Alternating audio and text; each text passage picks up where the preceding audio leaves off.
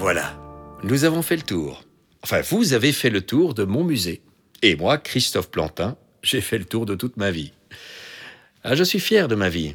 Je suis fier de ma Bible. Ma Bible polyglotte en cinq langues. Un vrai travail de titan.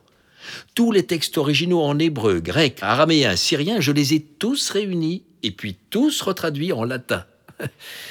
Mais bon, j'estime que lorsqu'on fait quelque chose, il faut le faire bien, n'est-ce pas? Eh, Bien sûr, cela n'a pas toujours été simple de se faire payer. Il suffit de jeter un coup d'œil sur quelques-uns des courriers que j'ai dû adresser au roi Philippe II pour tenter de délier la bourse royale. Et je suis fier de mes enfants. Mes filles, mes filles ont travaillé dur. Labore et... Enfin, vous connaissez désormais la devise de la famille. Lire et écrire dès leur plus jeune âge, travailler dans la salle de correction des épreuves, dans la boutique de dentelle, etc., etc. Je suis fier de mon épouse Jeanne, mon soutien, mon refuge. Je suis désolé de t'avoir laissé si souvent seule, Jeanne, pendant mes incessants voyages d'affaires. Mais tu as tenu ton rôle à merveille. Je suis fier de mes gendres, surtout de Yann. Yann Moretus. Il a pris ma succession et a assuré le succès de l'entreprise.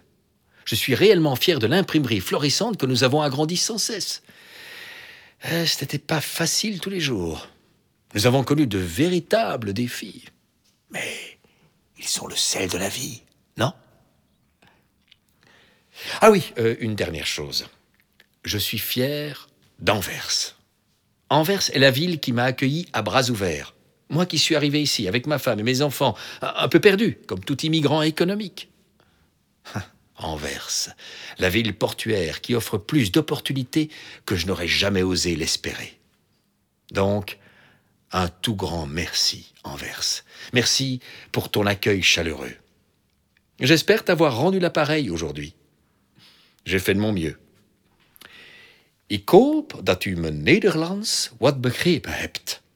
J'espère que tu as quelque peu compris mon néerlandais. Il y a du progrès, non? Ah, je n'ai plus qu'une chose à te dire, Anvers. Porte-toi bien. Et vous?